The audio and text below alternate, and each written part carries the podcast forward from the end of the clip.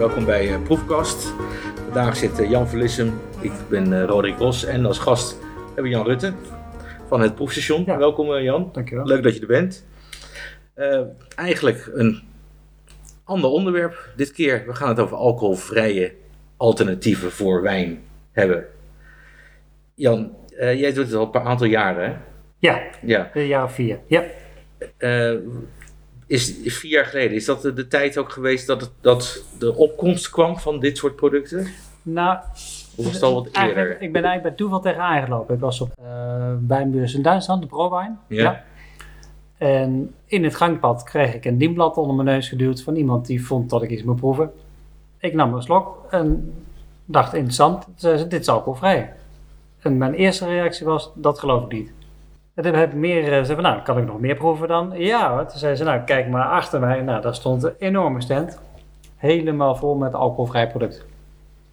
Ja, en, Allemaal verschillende ook. ja, Niet alleen wat we vandaag proeven.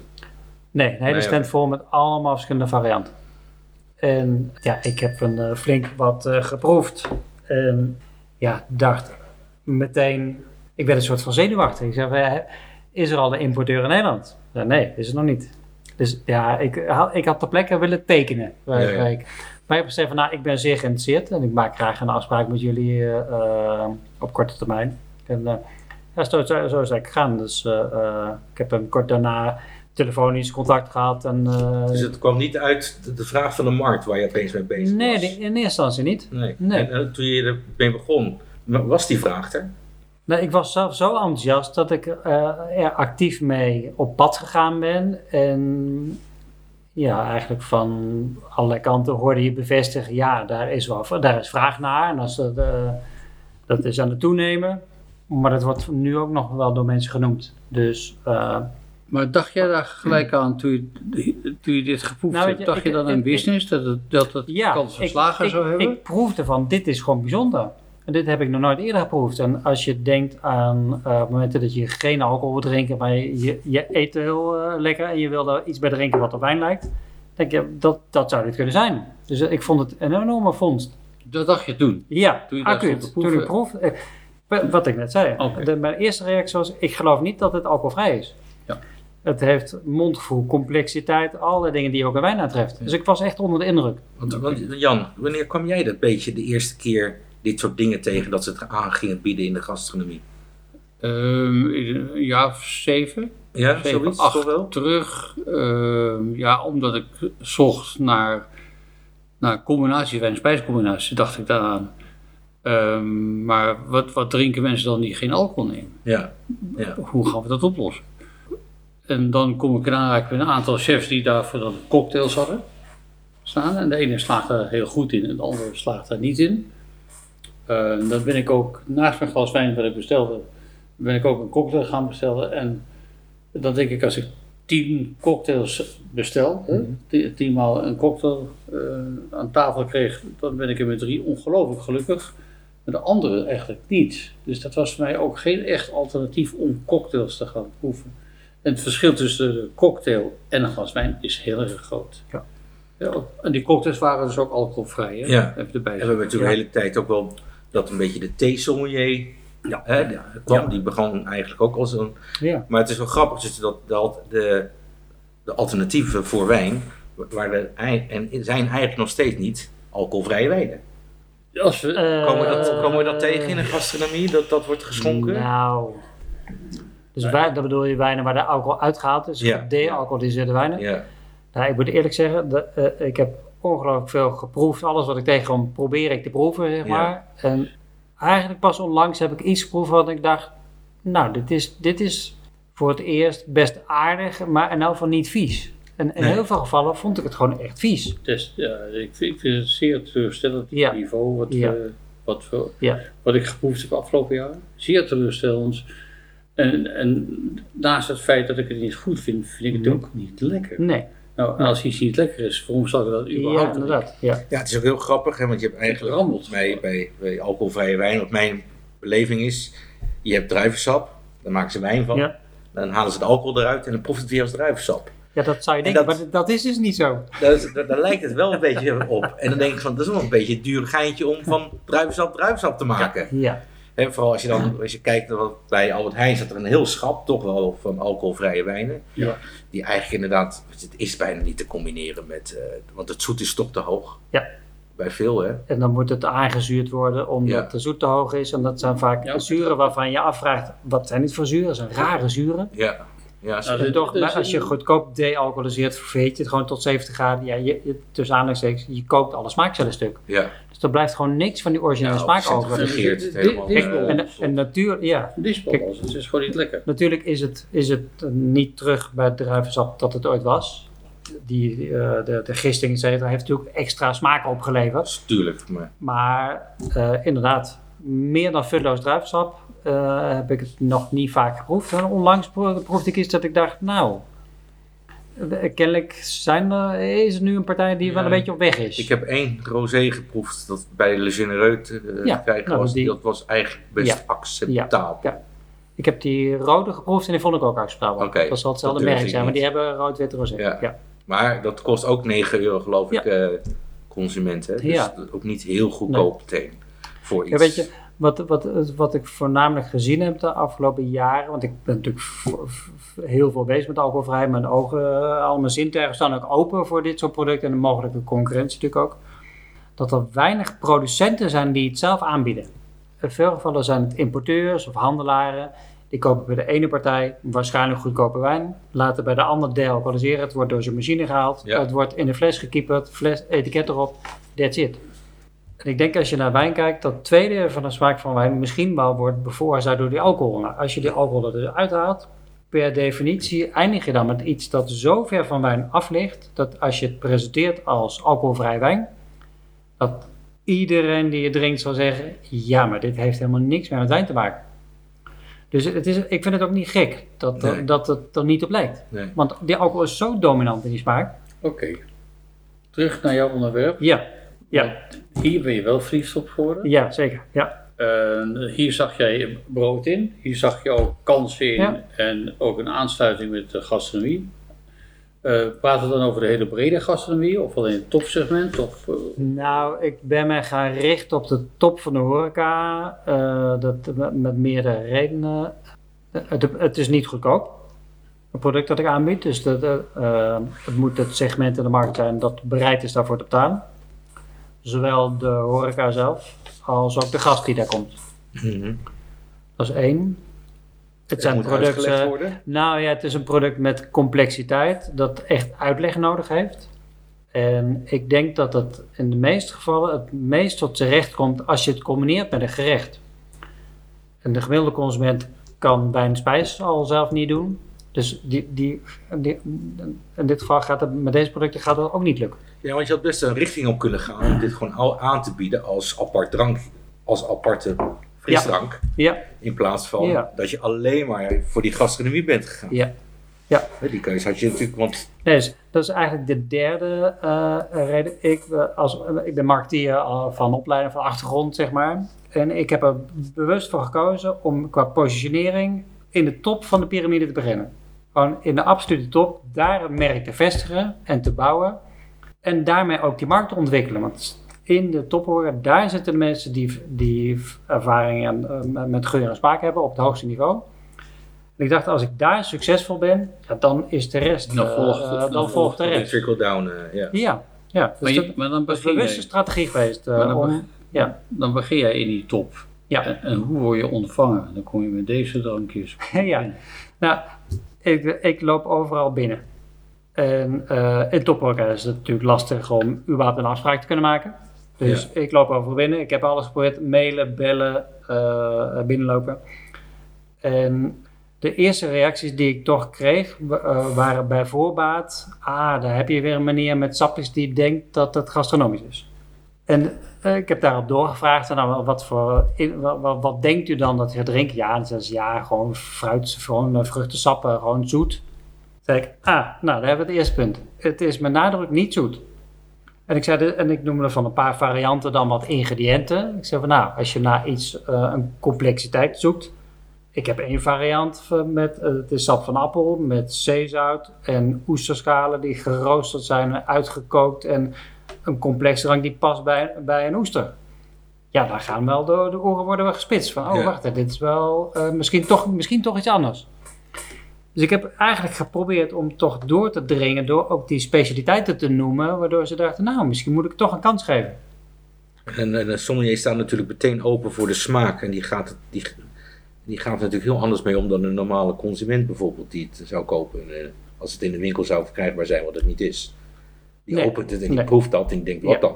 Ja. En een sommelier gaat er toch op een andere manier mee om. Maar sommige zal ook wel een beetje die richting op moeten gaan, want hij moet ook een alternatief hebben.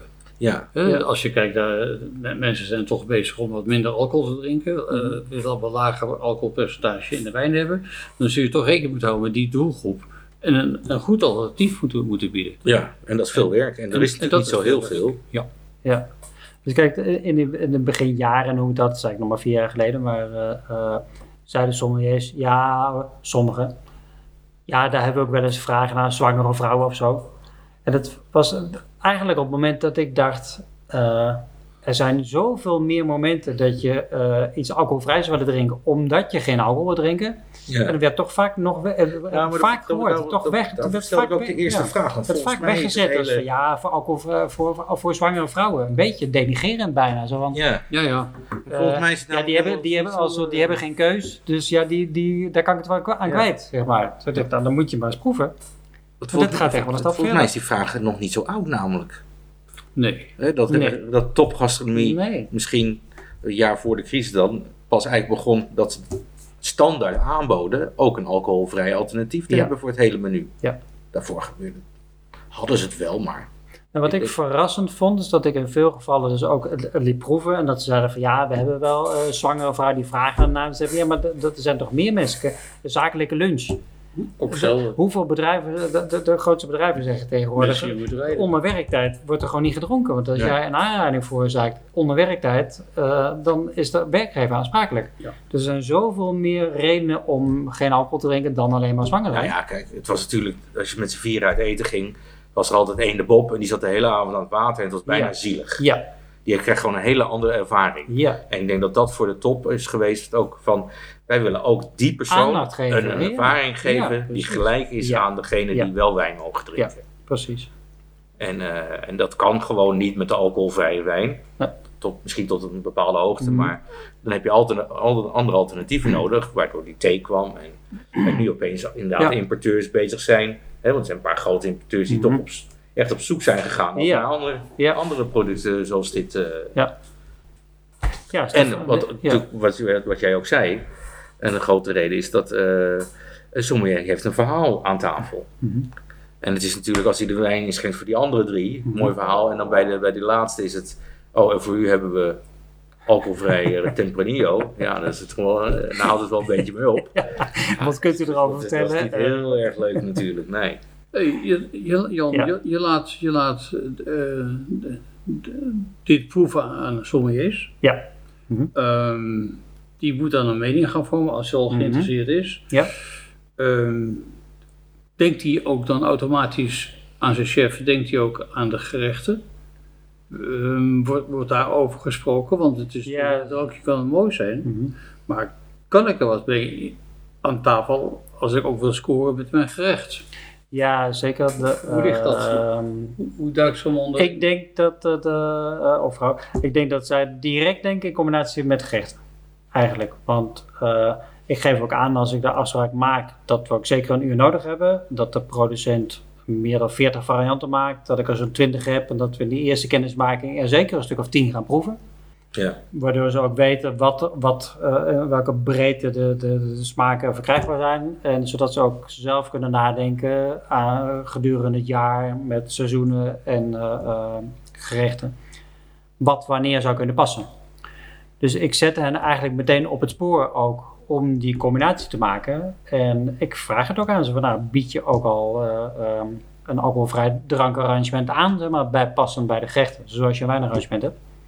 En het- toen ik er net mee begon, was dat, dan, was dat dan nog niet. En was ik wel eens verras, verrast eigenlijk dat het er nog niet was. Dus had, op een gegeven moment merkte ik, ik moet het even voordragen zeg maar, Ja, bij ja. ze. Van, hebben jullie eigenlijk een alcoholvrij drankarrangement? Nee, nee, kunnen we wel doen, zeiden ze onderling. Toen was ik eigenlijk wel verrast. Dat ik, oh, oké. nou, eh, Dat was nog niet, eh, bij sommigen dus niet opgekomen. Nee. En ik zei, wat- ook interessant is, als je een vijf gangen menu eh, eh, bestelt en je wil eh, wat minder alcohol drinken, dus je wil niet vijf gangen wijn erbij, waarom zou je niet twee of drie van die wijnen inwisselen voor alcoholvrije varianten, waardoor je het gemiddelde alcoholniveau gewoon naar beneden haalt en je dus bij, eh, bij twee gerechten een half glas wijn drinkt, dan heb je alles eh, begeleid door bijpassende dranken, maar je gaat gewoon met één glas wijn op de deur uit, dan kun je gewoon netjes nog in de auto stappen. Dus Nee, ook precies. dat, zeg maar, maakte ze eigenlijk wel enthousiast van, hé, hey, en in één keer zagen ze mogelijkheden. Dus ik heb het letterlijk zo zien ontstaan, dat, dat ik eigenlijk best verrast was. Maar het is natuurlijk omdat ik hier zo in zit, en, en zij kennelijk nog niet op dat moment. eh, nou, je ziet nu dat, dat eh, nu neemt het de vlucht. Ja. En de, eer- in het begin moest ik echt wel aandringen om te mogen langskomen. En eh, ja, in het begin heb ik ook bij anderen natuurlijk al gezegd, ik lever intussen ook aan die, die, die en die. Om maar een soort van geloofwaardigheid te creëren Ja, van, ja, eh, zo, ontvang ja. me nou. Want eh, eh, Hey, wat, wat is de reactie? ehm, hoe- hoe gaat die relatie sommelier-chef als, als die chef geconfronteerd wordt met dit soort dranken, met deze dranken? Ja, je ziet, Ehm, eh, eh, worden de gerechten aangepast of, of hoe- gaat dat? Nou, het hangt af van de zaak natuurlijk. Of het een papa-mama zaak is, noem ik maar even. Waar eh, een stel, zeg maar, eh, in veel gevallen is hij dan de kok en zij gastvrouw. Als ze al beide tegelijkertijd aanwezig zijn, Ja. eh, als ik ga laten proeven, dan wordt chef er vaak bijgeroepen van proef eens even. In eh, sommige gevallen hebben ze zelf al besloten dat chef erbij moet zijn. En eh, het is een beetje afhankelijk van hoe groot het team is. Ik moedig eigenlijk vaak aan, ook al van nou, vraag gerust je collega's erbij. Want het is interessant om ook de chef erbij te vragen Ja. als hij tijd heeft. Maar heb je nooit van dat sommelier zegt van... Kijk, dit heb ik gewoon nodig. We hebben dit soort Mhm. dingen nodig, want Ja. we moeten dit gaan invullen. En dat de chef zegt van ja, maar sorry, maar dat gaan we gewoon niet, eh, dit gaat niet werken. Dat er een soort van die strijd komt. Nee. Nee, dat hebben eigenlijk is iedereen zo enthousiast. Ja. Dat het, eh, ik heb het nog niet meegemaakt dat chef zei, dit vind ik helemaal niks.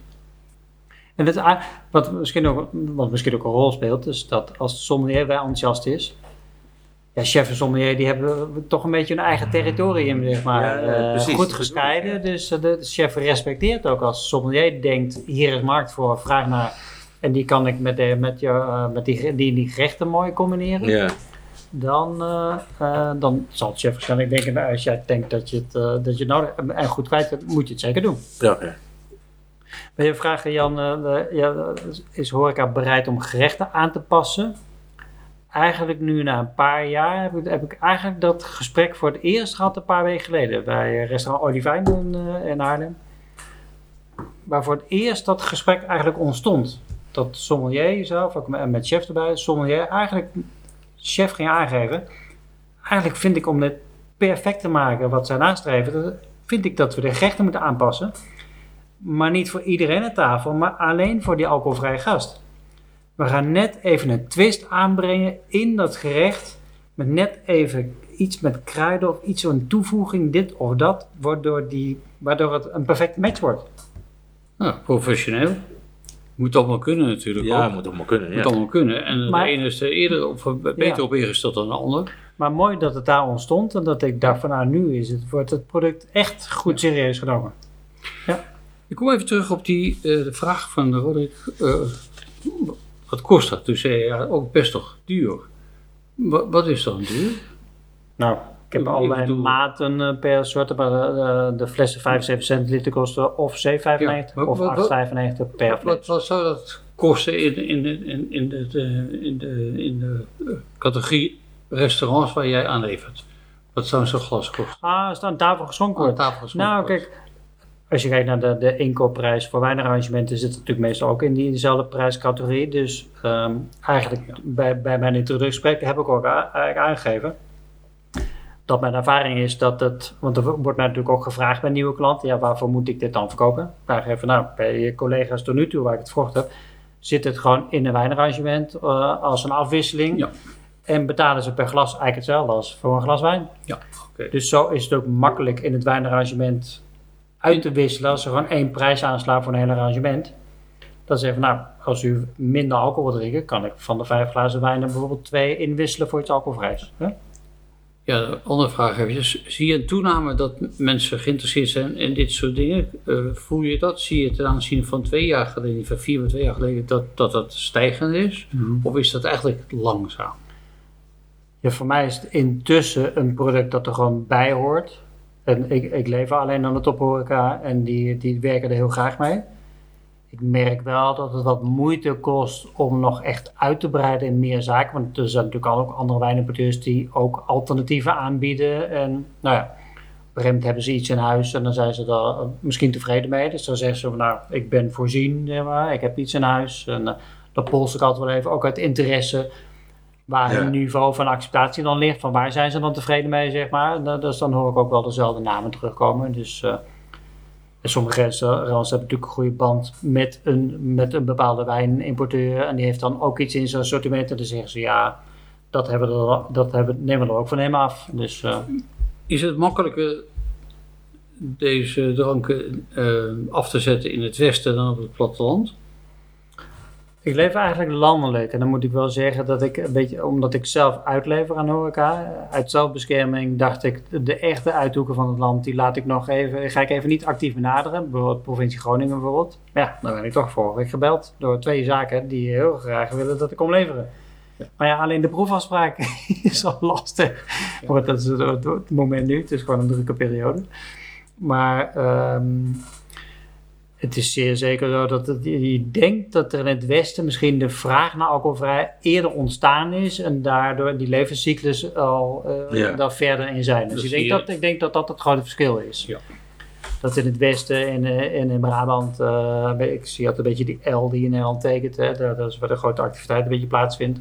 Ietsje later? Ja, er zijn toch de, de, van het land zijn toch wat minder eh, gewend aan nieuwigheden. Dus dat duurt gewoon wat langer. Dus dat, die, die lopen dan wel, wel, wel Oké. vaker wat achteraan. Ja. Het is toch wel grappig dat Duitsland dat echt dat al- non-alcohol eigenlijk een beetje de hele markt heeft. Hè? Qua eh, wijn zonder alcohol, maar ook met, met heel veel sappen. Er zijn Ja. natuurlijk best wel wat spelers in Zuid-Duitsland. Ja. Die, eh, die hebben dus, en die ook die oude cultuur daarvan hebben. Terwijl de rest natuurlijk helemaal zeggen, niet. Hè? Fruit is daar altijd belangrijk geweest. ja, als je kijkt in een streek waar... als eh, kind, als je daar kwam, eh waren allerlei eh mhm. frisdranken, maar dan van, van mooie materialen. Ja. Er is een producent, maar, eh eh, is, Jörg Geiger met, met, dit- met dit merk Prosecco. zeg maar. In die streek waar hij zit, bijna iedereen doet daar iets met fruit. Ja. Ja. ja. Nou, ik denk dat we als we, we hebben er al over één gehad, als we die even ook proeven, dat is die eh, Inspiration 4.1. Ja. Dat we ook een beetje kunnen vertellen wat, wat we dan inderdaad Wat er zo- gebeurt, wat- wat er dan gebeurt. Dan eigenlijk. Want Ja, het is natuurlijk heel erg lastig om dit. eh, ja te visualiseren. eh, ja, Ja, te visualiseren. Dus wij in moeten... ieder geval dat, er wat, eh, dat we kunnen zeggen van oké, nou dit viel ons op of dat viel ons op.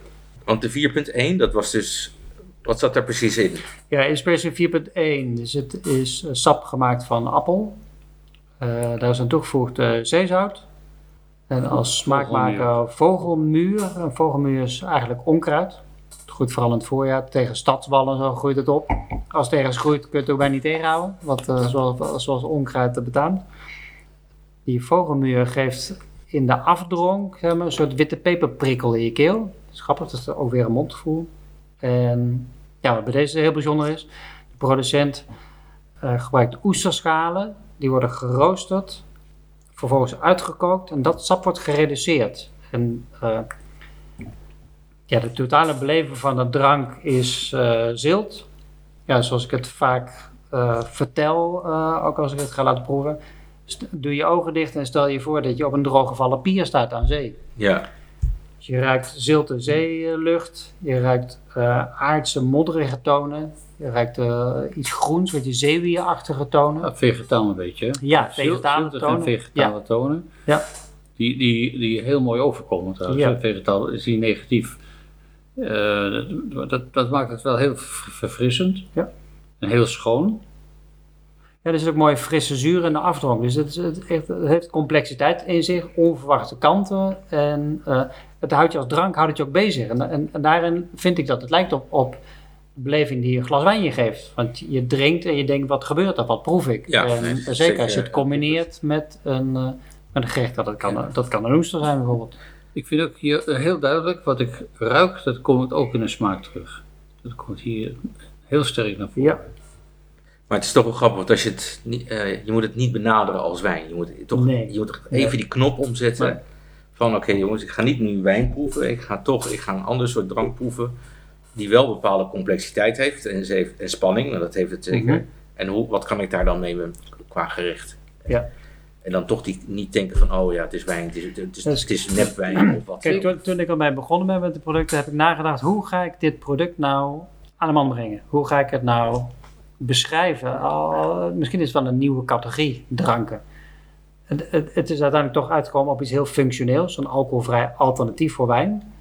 Omdat sommige soorten best dicht bij wijn liggen, of het nou mousserend of stil is. Mhm. Maar vooral omdat je drinkt op het moment dat je normaal gesproken wijn zou drinken. Maar omdat je geen alcohol drinken, heb je nu dus iets een alternatief nodig. Ja, En iets dat kan aansluiten bij gerechten. Dus eigenlijk vervangt het wijn meer op het moment dat je wijn zou drinken, dan dat het echt een drankje is. een, een drank is die, eh, dat het wijn zonder alcohol is. Ja, of dat je thuis dat is komt en niet. denkt, ik heb dorst, ik trek, trek even een eh, Ja. 4.1 open, Ja. want zo werkt dat niet. En, en de- deze optiek vind ik twee dingen heel belangrijk hier. Ja. Dat zijn de zuurgraad Ja. en de fruit. De fruitinbreng. Ja. Dat zijn eigenlijk twee pijlers waar eigenlijk Mhm. al deze ehm, drank die wij vandaag Mhm. gehad hebben, eigenlijk op, op leunen.